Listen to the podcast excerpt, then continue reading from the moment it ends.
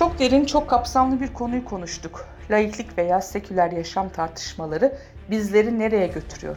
Yakın veya orta vadede Türkiye'yi neler bekliyor? Türkiye bu tartışmaları nasıl ve ne zaman geride bırakabilir? Hemen Shalom gazetesi genel yayın yönetmeni Ivo Molinas'la başlayalım.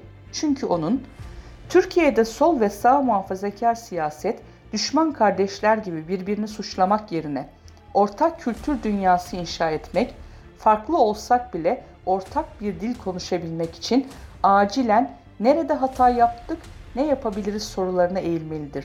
Din bu ülkede yalnızca dindarların ihtiyaç ve ilgi duydukları bir alan olmaktan çıkmalıdır. Yoksa biz bu kavgayı bir yüzyıl daha izlemeye devam ederiz şeklinde bir tespiti var. Molinas'a göre bu ülke bu tartışmaları ne zaman geride bırakır?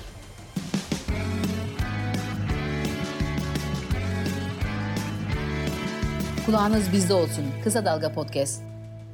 Türkiye bu tartışmaları e, ne zaman geride bırakabilir? Son derece basit. E, demokrasinin ülkenin tüm ana damarlarına, tüm kılcal damarlarına iyice nüfuz ettiği zaman e, ancak e, geride bırakabilir. Çünkü e, demokrasinin olmazsa olmaz koşulları olan ifade özgürlüğü ve eşit vatandaşlık ancak demokrasinin tam uygulandığı noktada e, hayatımızın içine girecek. Bugün bu noktadan uzak olduğumuzu üzülerek teslim etmek zorundayım. Çünkü toplum son derece polarize olmuş bir durumda ve de bunun giderilmesi için siyasiler çok da bir şey yaptıklarını söyleyemeyiz.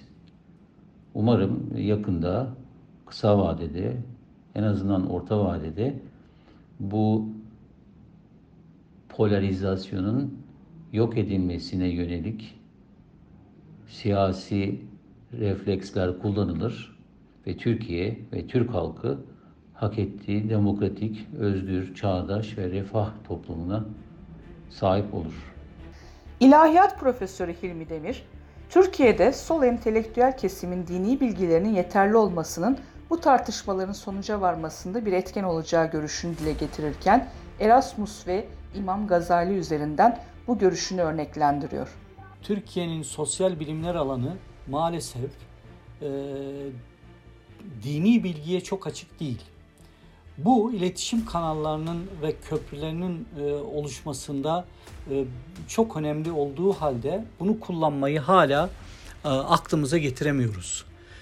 E, mesela e, işte Erasmus e, büyük bir filozof ama büyük bir dindar e, ve aynı zamanda bir din adamı, iyi bir katolik. E, Erasmus'u konuşurken Gazali'yi konuşmaktan imtina edebiliyor Türk akademisyeni, Türk entelektüeli. E, din konusunda da e, ciddi bir e, bilgisizlik var Türkiye'de. Yani en azından e, inanmasak inanmasa bile insanlar kültürel olarak e, dindarlığı ve dini bilmek bu toplumdaki barışın ve mutabakatın ve müzakerenin yolunu açma konusunda ciddi katkılar olacağını düşünüyorum.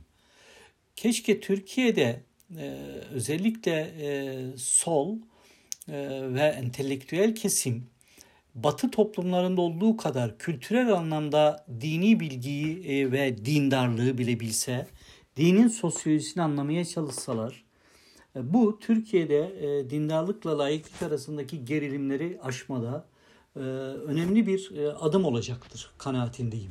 Ayşe Çavdar gelecekle ilgili çok umutlu olduğunu söylüyor. Bence şu anda çok umutluyum o yüzden. Bence gene öyle bir açıklıktayız. Yani o tartışmanın sekülerlik, laiklik, hukuk, eşitlik, aile ne, devlet ne, eğitim ne, sağlık ne, sosyal devlet ne bunların hepsinin baştan tartışılabileceği bir ortamdayız gene. Niye? Çünkü bir proje kendisini tamamı erdirdi. Hangi proje o? Ben ona şey diyorum. İslamcılığın hegemonik projesi. O kendisini ve full kapasite gerçekleştirdi ve onu da gördük. Tamam mı? Neyi becerebildiğini, neyi beceremediğini vesaire falan gördük. Hangi dinamiklerin üzerinde şekilleniyor, neyi yapabildiği, hangi kaynakları kullandığı. ve bize ne anlam verdi, bizden ne istedi, ne aldı, bize ne verdi. Bunların hepsini gördük. Şimdi elimizde bir şey var. Tam o tamama ererken bir kez daha hakikaten bu tartışma yapabileceğimiz bir ortamdayım. Ben, ortamdayız. Ben o yüzden çok umutluyum şeyle ilgili, gelecekle ilgili. Türkiye'de laikliği ilginç bir şekilde daha seküler insanlardan daha çok kendisini Müslüman olarak tarif eden insanların tartışıyor olması önemli diyor Sedat Bozkurt da. Herkes tam tersini düşünür. İşte Muharrem Aksoy öldü, Uğur Mumcu öldü. Bu insanlar katı laiklik savunucusu insanlardı. Onları laiklik karşıtı insanlar öldürdü.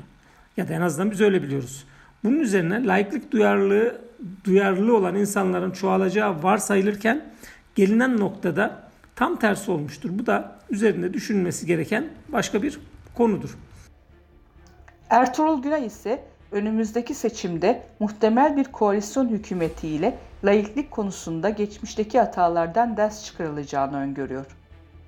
Bu din istismarının bir sonuç vereceğini yani ayakta kalmaya yetecek bir sonuç vereceğini zannetmiyorum. Benim yani 70 yıla dönük okumalarım da son 40 yıldır yaşadıklarım da bu gözlemimi doğruluyor. Ee, burada bir de şöyle bir e, önümüzdeki dönemle ilgili şöyle bir umudum var.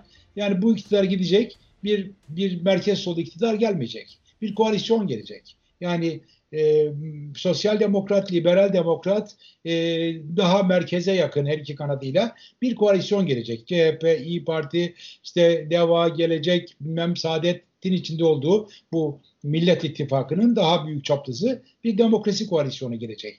O koalisyonda o geçmişin hatalarından elbette ders çıkarılacak. Artık bugün Türkiye toplumu başörtüsü yüzünden yeni bir tartışma yaşamayacak. Artık bugün Türkiye toplumu işte insanların kılık kıyafetini birinci mesele haline getirmeyecek. Yaşam kalitesini yukarıya çekmeye çalışacak. Yaşam tarzıyla uğraşmayacak insanların. Bütün mesele bence burada zaten. Yani gelecek iktidar insanların yaşam tarzıyla değil de yaşam kalitesini yukarıya çekmekle uğraşırsa başarılı olacak. Ama onlar da kolayına kaçar. İşte rövanşa çevirir, çevirir, çevirir işi. Yaşam tarzıyla uğraşmaya kalkarlarsa Türkiye yeni sıkıntılar yaşar ama ben yaşadıklarımızdan e, en azından bugünkü muhalefet partilerinin söylemlerine bakarak söylüyorum. Yaşadıklarımızdan ders çıkardıkları kanaatindeyim ve gelecekle ilgili umutsuz bir tablo çizmek istemem.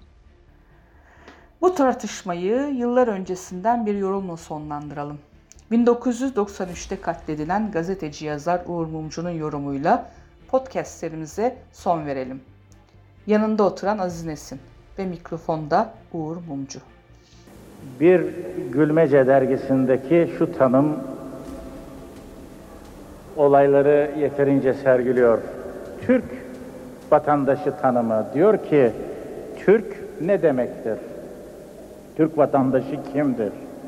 Türk vatandaşı İsviçre Medeni Kanunu'na göre evlenen, İtalyan ceza yasasına göre cezalandırılan, Alman ceza muhakeme usulü yasasına göre yargılanan, Fransız idare hukukuna göre idare edilen ve İslam hukukuna göre gömülen kişidir.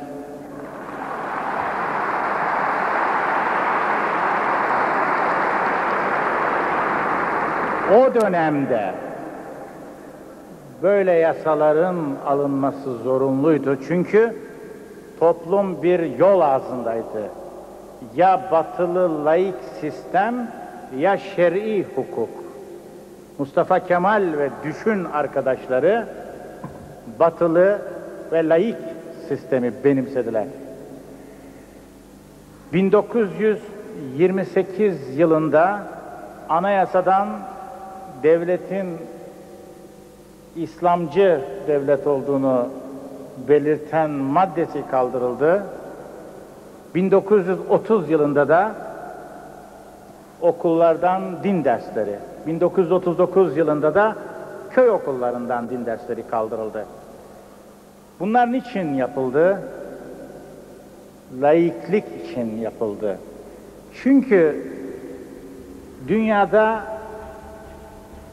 ya olayları teokratik açıdan göreceksiniz, böyle bir eğitim anlayışınız olacak ya da laik anlayış olacak.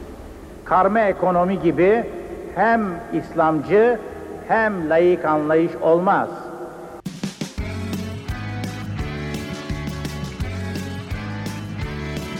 Kulağınız bizde olsun. Kısa Dalga Podcast. Kısa Dalga podcastleri Demet Bilge Erkasab'ın editörlüğünde Mehmet Özgür Candan'ın post prodüksiyonu ve Esra Baydemir'in hazırladığı görseller ile yayınlanıyor. Kısa Dalga'ya destek vermek için Patreon sayfamızı ziyaret edebilirsiniz.